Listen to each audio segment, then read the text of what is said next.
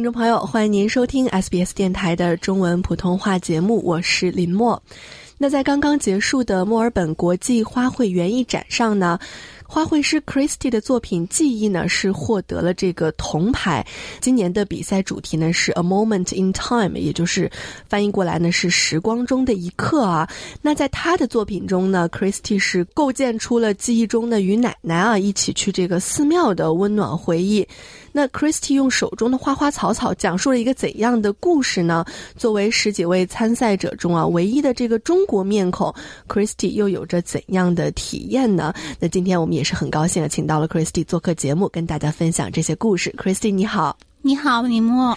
Christy，那首先啊，呃，祝贺你的作品啊获得了这个铜牌哈，能不能跟我们介绍一下你的这个作品？名字叫做记忆，对吗？Memory。对，嗯嗯，大家好，嗯，这个记忆呢，我就构建出了一幅场景。小时候呢，我和爷爷奶奶一起生活，奶奶有的时候就会带我去后山上的一座寺庙。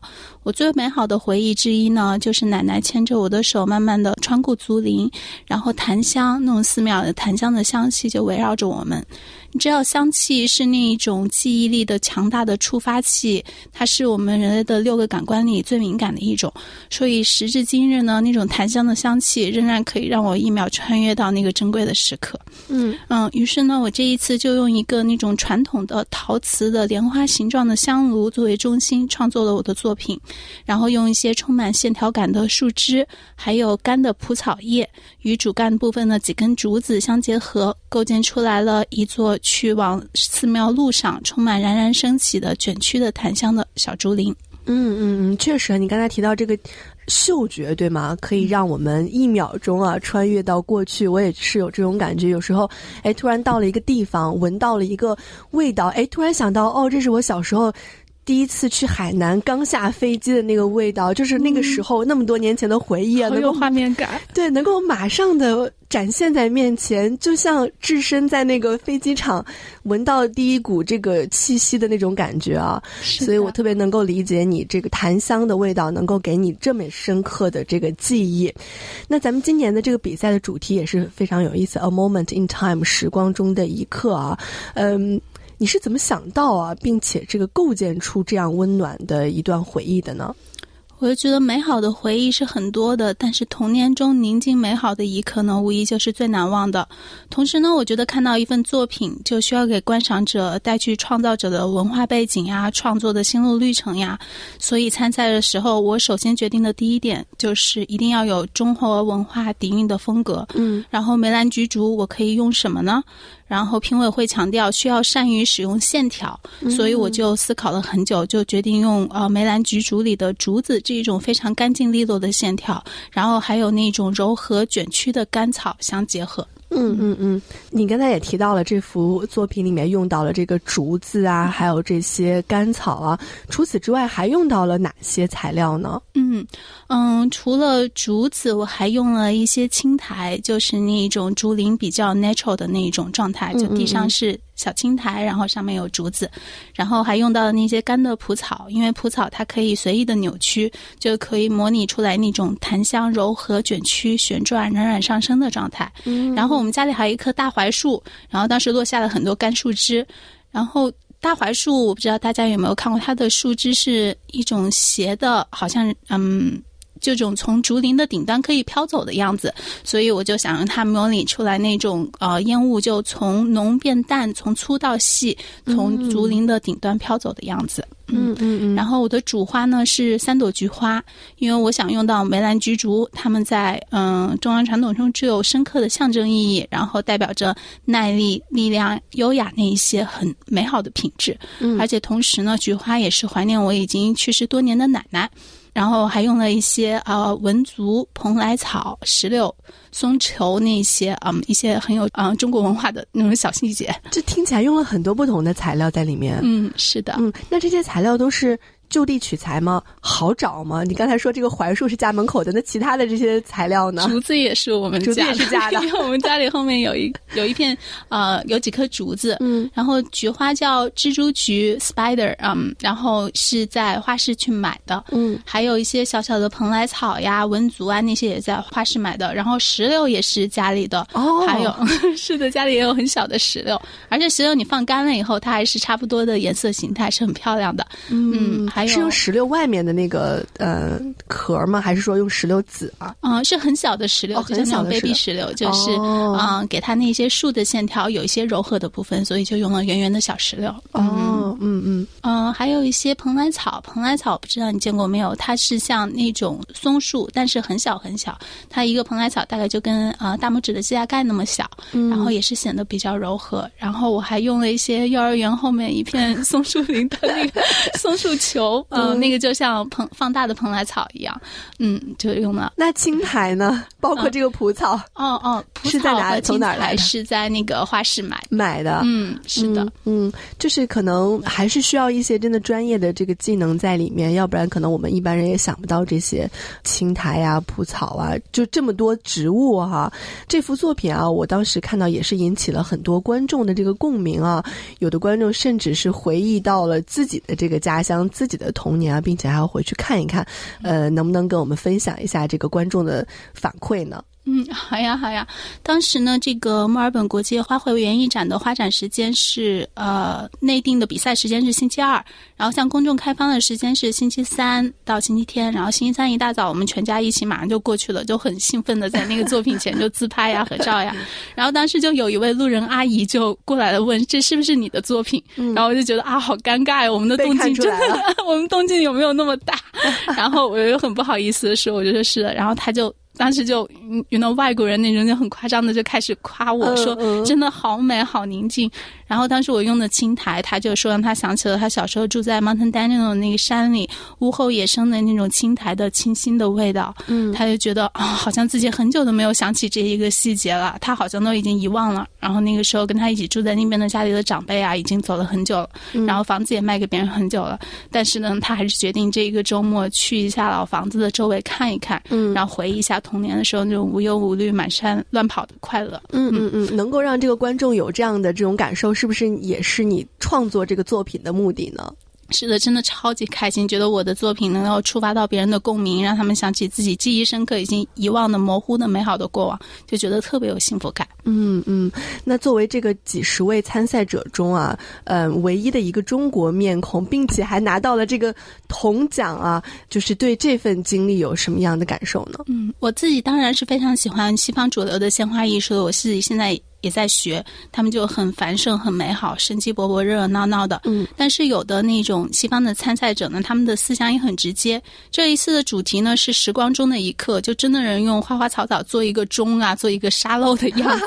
然后，但是我的那个想法就是，呃，母女出一个小时候回忆的一个场景。嗯，然后就很充满东方意境的作品，有一种宁静的禅意，也给大家带来了一股清流的那种别样的体验。所以我就觉得，嗯，这种东方的味道也很。不错，嗯嗯嗯，就是在这么多的这个西方的作品中哈，能够看到一个哎不一样的面孔，可能也会让大家眼前一亮啊。是的，而且作为这个华人，可能参与到这个比赛中的人也不多，对吗？是的，特别少，因为呃，我的比赛呢是呃学生参与的那一块，当时我们学习花艺的中国学生就很少了，然后他们又觉得哎不想去参加，就怕失败，或者是怕浪费自己的时间。但是我觉得这是一次很难。难得的，让一些国际知名的评委来，嗯，来看我的作品，给我一些建议的机会，所以我就觉得不管。花多少时间，我一定要去参加一下。嗯，然后那就是别人呃，评委有没有给一些什么建议呢？嗯，有的有的。当时有一份很详细的评分表，大概从十几二十个方面来评论。嗯嗯，就是我的线条运用的很好呀，花材取得很好，色彩和那种材质的搭配很不错。嗯，但是我当时扣分最大的一点就是我没有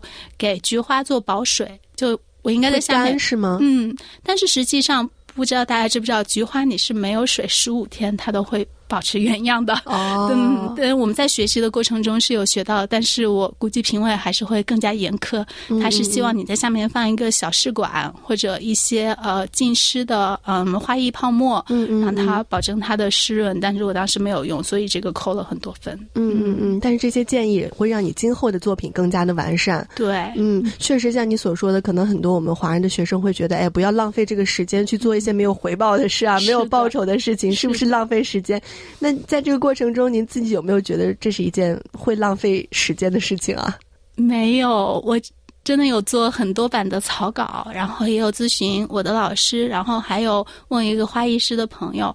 我就觉得这种探索、不断前进的过程，对自己也是一种很难得的经历。嗯，因为人不计回报的为了热爱去做一件事情的时候，这本身就是一种回报，不需要有一些真正的实际的价值让你。觉得才有回报，就是乐在其中也是一种回报啊！对，而且我有看到你这个创作的时候的那张照片，真的是全神贯注，非常非常的投入。我想那一刻可能你也能够在这个花艺中感受到快乐。是的，嗯，你刚才也说自己参加的是这个学生的作品啊，同时你也自己也是在学习这个插花的三级花艺师的课程啊，能不能跟我们分享一下为什么会选择学习花艺呢？那个时候，当时我休完产假回到工作岗位以后，就从全职转到三天了。然后当时我的先生就问我，他说：“那你还有另外两天时间，你想干什么？”我就说：“躺在家里玩呀。”然后他就觉得那怎么可以这样？因为他是一个对自己要求非常高的人，就人家都鸡娃，但是他会鸡自己的。他就说：“时间是最宝贵的东西。”他说：“这么难得的时间，你应该用来学习。”然后我说我不想学习了，我不想再学幼教了。反正他就说就不用考虑外在的因素，比如说收入呀、职业前景啊那些的话，你自己想学什么。嗯，然后我就想了好多天，然后我就想那就去学花艺吧，因为那可能是一件真正让我身心愉悦的事情。嗯嗯嗯。你老公真的不仅是激自己，还激你啊！好讨厌哦。但是你现在学了之后，觉得这是你真正自己喜欢的事情吗？是的，有的时候觉得其实躺平的享受反而会觉得无聊，可能有的时候有推动自己前进的时候，反而会有更大的成就感。嗯嗯。那参加了这次比赛啊，相信对你之后的这个花艺课程的学习，应该也会有一些帮助吧？嗯，毕竟这个墨尔本国际那个花卉园艺展呢，是南半球最大的花艺展，当然是有一些虚荣心的了，对不对？但是该写的作业还是要写啊，一点帮助都没有。是的。那创作出这样一幅作品啊，是不是也运用了很多你学到的这个花艺中的技巧呢？嗯，是的，因为我当时用的是嗯一种垂直的设计理念，是呃竹子的。然后当时我的老师叫栗子，他是一位澳洲人，但是他在日本嗯工作学习了很多年，所以他当时也给了我很多建议。嗯，我觉得一个好的老师和一个好的课程是很有用的。嗯嗯嗯，还是运用到了很多的专业知识啊。那能不能再给我们的简单介绍一下？呃，三级花艺师啊是。一个什么样的课程呢？可能很多听众朋友也对这个课程并不了解啊。嗯嗯，其实学花艺呢，嗯，有很多课程，但是真正有证书的证明你学习过一个这种系统的理念的呢，就只有这个 Certificate Three，然后只有在 Homesglen，还有另一个在 Box Hill 一个什么 TAFE，忘记名字，两家有。我读的是全职，然后一天是理论课程，一天是实物操作，然后一天是专门的练习。然后他会教你呀，怎么运用色彩呀，然后设计理念呀，然后如何报价呀，然后作业特别多。那什么样的作业啊？是文字上的作业，还是说要动手的这种作业？动手的作业也有，然后文字的作业也有，而且文字的作业超级多，就是理论知识也要很丰富，对吗？理论知识特别丰富。那我做的时候，我就想，嗯，其实这也是我想要的，因为我就想学一些理论知识，嗯，也和呃实际。操作相结合，所以我做的时候想自己选的路，哭着也要走完。没错，能不能跟我们简单的介绍一下理论知识？比如说要学习什么？比如说你刚才提到的这个菊花十五天它不会干，是不是类似这种的知识呢？嗯，对，嗯，它就比如说认识很多植物常见植物的呃拉丁学名呀，哦，然后常用名呀，然后还有一些运用色彩呀设计的四个理念啊，七个要点啦，大概一共有二十多门课吧。我以前也有参加过一些那种周末的那种插花课程，但是一天他有时候会给你啊提供一些下午茶呀，就美美的拍个照呀 什么的。那我觉得嗯，那好像更是一种娱乐，并不是真正的很刻苦的去学习，所以我就嗯还是进行了这个为期一年的课程。所以这种课程是不是更适合于呃以后想？从事这个行业的人来学习，并不是说周末娱乐啊。嗯，是的，我我是这么觉得，因为我知道我有两位算学长吧，嗯，一位叫南，他自己有一个花店，他也有在 Homeschool 学过三级花艺证书。嗯嗯嗯，很多开花店的好都去在哪里学习过。嗯，不过你刚才讲到也会教你一些就是色彩的理论知识，可能也会对你平时的这个生活有一些帮助。比如说，想要把家里面啊打造出一种什么感觉，怎么样配色啊，自己怎么样穿衣服，是不是也会有帮助？啊是的，当然会啦。觉得这种学习的知识对自己以后一生都是受用的嘛。嗯嗯嗯，也是融会贯通的，可以用在生活的方方面面啊。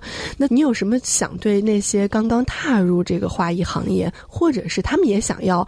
呃，去学习插画的这些听众的一些建议，或者有什么话想对他们说吗？我觉得花艺师真的很辛苦，而且很清贫。一般在花店里工作都是最低工资，然后自己如果开一个 studio 的话，现在的鲜花进价特别贵，而且浮动很大，真的是很不容易。所以敢进入这一行的人都跟大家一起加油吧，很不容易。入行需谨慎啊，是这个意思吗？不要觉得有的时候大家觉得啊，开咖啡店、开花店好像是自己的理想，好像是美美的，但是赔钱的几率特别大。嗯，所以。嗯，还是要有自己的正职工作，然后做个这个兼职，可能也是比较开心的事情。当所有的东西可能变成一个自己的职业，就变得有一些痛苦了。嗯，但是像你这样把自己的职业和爱好结合在一起，是不是觉得会更加快乐一些啊？是的。嗯，那怎么样来平衡这个学习？你你说到全职学习的时候，我就对你肃然起敬，因为毕竟还要工作嘛，三天的时间工作，那剩下两天的时间可能还要带孩子，对吗？再加上这个全职的这个学习啊，是怎么样来平衡这个生活的呢？就我老公还挺给力，然后 child care 也很好呀，孩子要去五天呀，孩子去五天，嗯，是的，嗯，然后啊，我还没有想好毕业以后该怎么做。